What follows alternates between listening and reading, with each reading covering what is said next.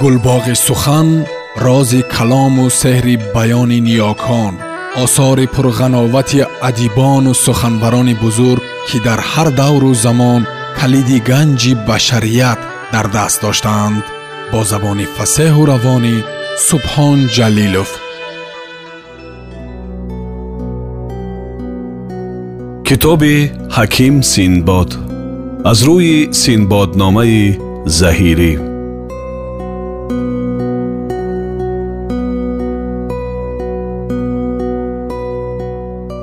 ҳаст бурдан илму дониш назди нодон ҳамчунонк пеши кар барбад сарою пеши кур оина дор охир овозе дар кӯҳ диҳӣ садое боздиҳад ва дар пуштаи рег чоҳ кани обе падид ояд сайи таълиму кӯшиши омӯзиши синбодро таъсир кам аз он набовад фармон дод то синбодро ҳозир карданд ва ин маънӣ шарҳ доду гуфт. Асби саркашеро ки баромкунанда диҳанд таълими ӯ дар нозукиҳои ин санъат ҷонвари ваҳширо дастомӯз мегардонад ва рому саворӣ мекунад то ба ишорати лиҷому ҳаракати рикоб мақсаду хоҳиши ӯро ба осонӣ пай мебарад. Саркаширо ки боиси ваҳшат аст видо мекунад ва таби ҳайвониро ки хоҳиши бехудиву белиҷомӣ ба вуҷуд овардааст аз худ дур мегардонад ва дар андак муддате хушфеълу ором мегардад. Чаро бояд ки хислату табиати шоҳзода ки аз гиёҳи бузургону дарахти шоҳон аст бо чандин кӯшиши бардавом ва машаққати омӯзишу меҳнати таълим бо адабу ҳикмат одат нагирад. Ва ниҳоле ки зиннати чамани давлат ва ороиши боғи мулку миллат хоҳад буд боровар нагардад магар дар тарбияту риояти ҷониби азизи ӯ ғафлату тақсире ҷоиз доштаӣ синбод чунин суханон бишунид бар пой хисту аз шоҳу ҳозирон иҷозат хост ва гуфт бақои бузургони давлату ёрони ҳазрат дар паноҳи бузургӣ бардавом боду обрӯяшон зиёда гардад Дар муқобалаи ин хитоб агар иҷозат бувад узри бандагӣ бигӯям. Фармуданд бигӯй. Синбод гуфт бар роҳи шарифи бузургон ки ситорагони осмони фазлу раёҳини бустони адланд пӯшида намонад ки ин хидматгори давлати олиро дар хелҳои илму навъҳои ҳикмат дониш зиёд аст ва дар ҳодисаҳои зиндагӣ таҷрибааш бехатост ва муддати умр дар таълиму тарбия ва хондану омӯхтан гузоштааст ва агар сабаби ин ҳол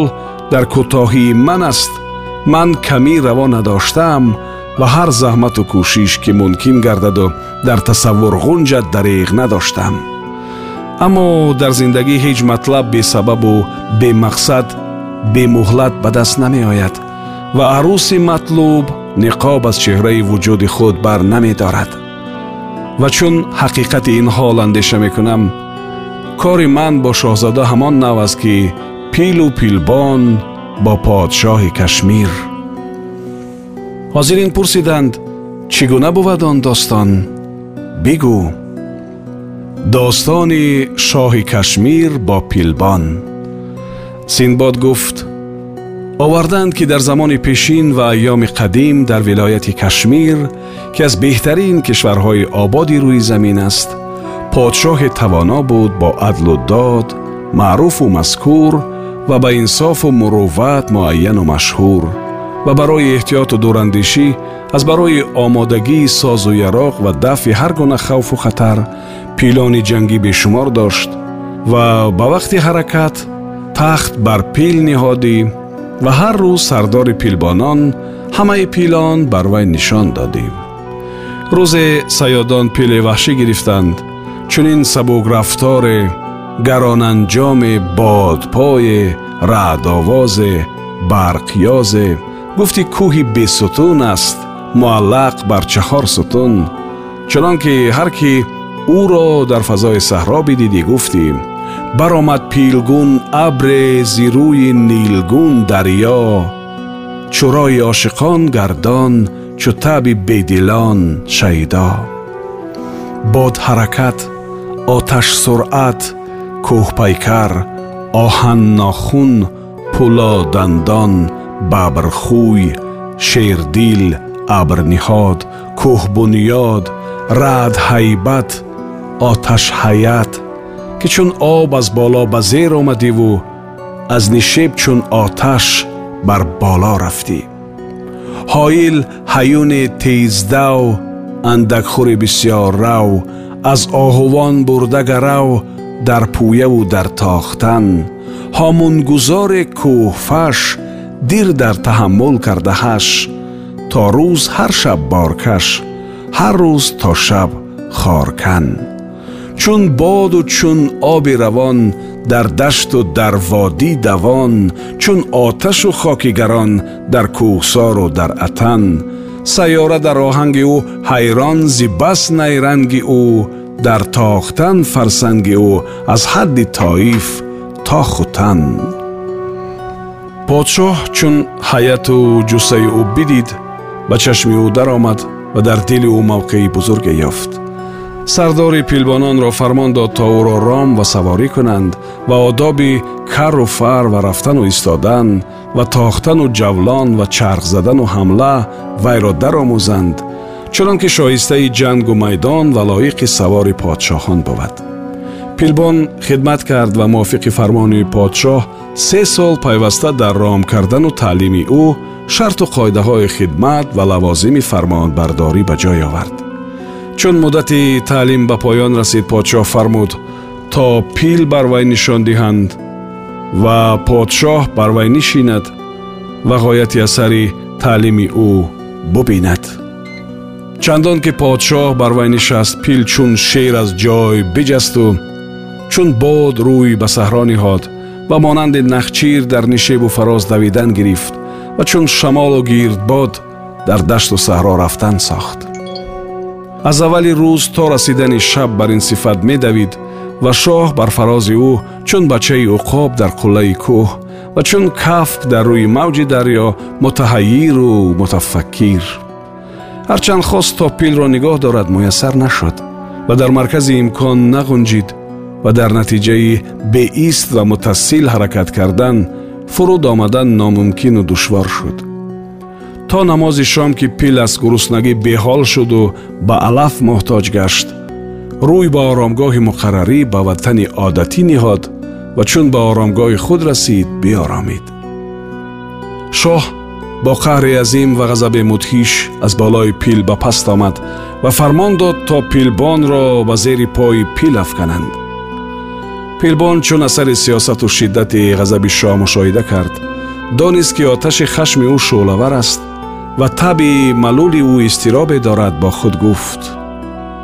бисьёр бигуфтам эй дили бадпайванд бо ишқ макӯшу дил ба ҳар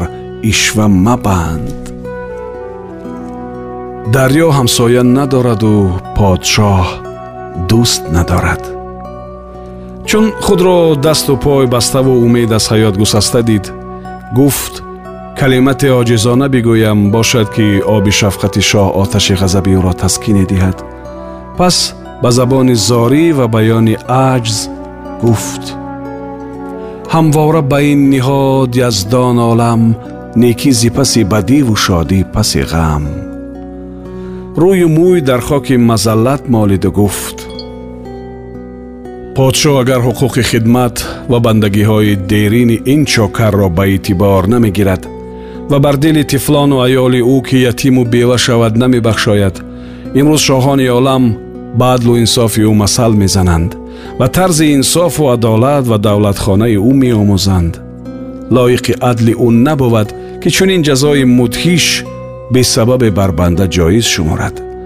Ва мӯи ӯро ки дар давоми муддати хидмат сафед шудааст бо хуни ханҷар ранг кунад.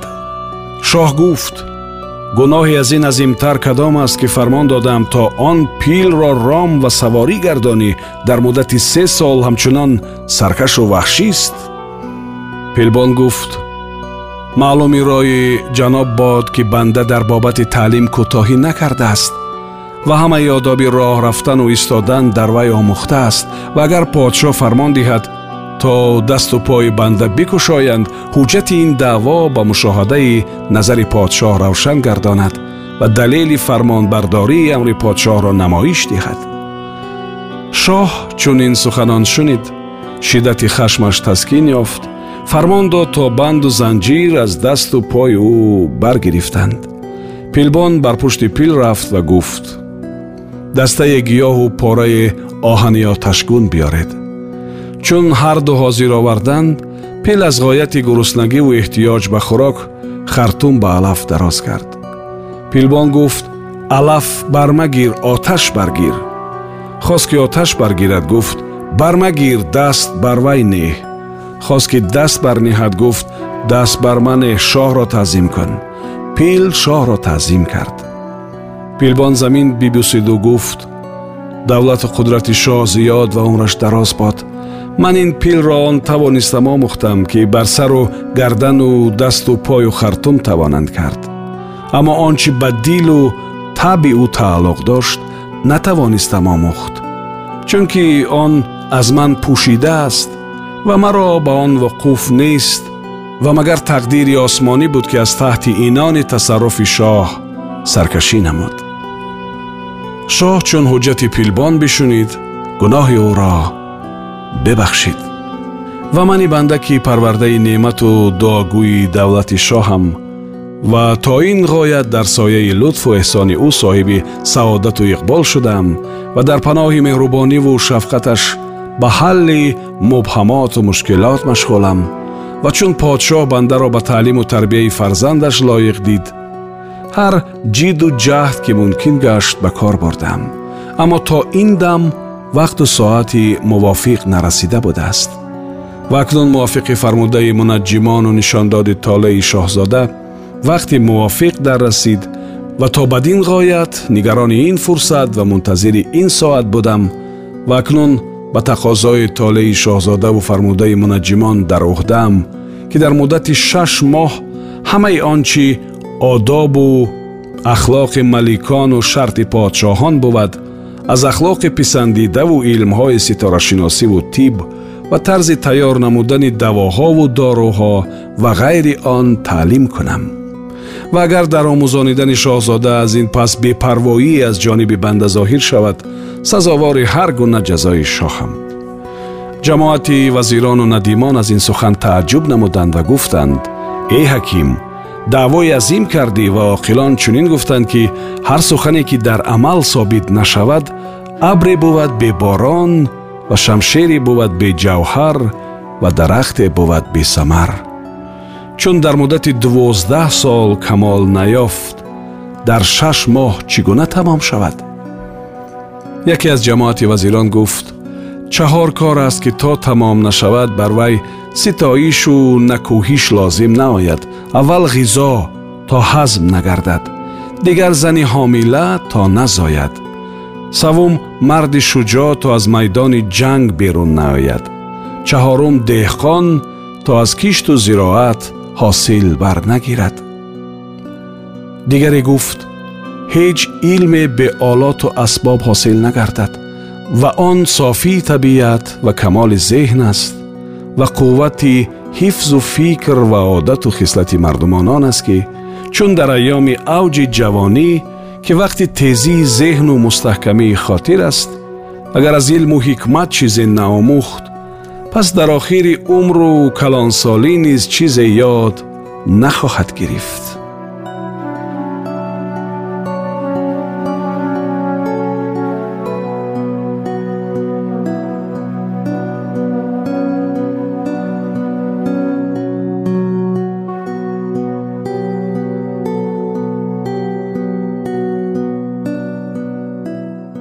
сомиёни гиромӣ шумо пораеро аз китоби ҳаким синдбод аз рӯи синдбодномаи заҳирӣ шунидед идома дар барномаи дигар садо медиҳад гулбоғи сухан рози калому сеҳри баёни ниёкон осори пурғановати адибону суханбарони бузург ки дар ҳар давру замон калиди ганҷи башарият дар даст доштаанд با زبان فسه و روانی سبحان جلیلوف.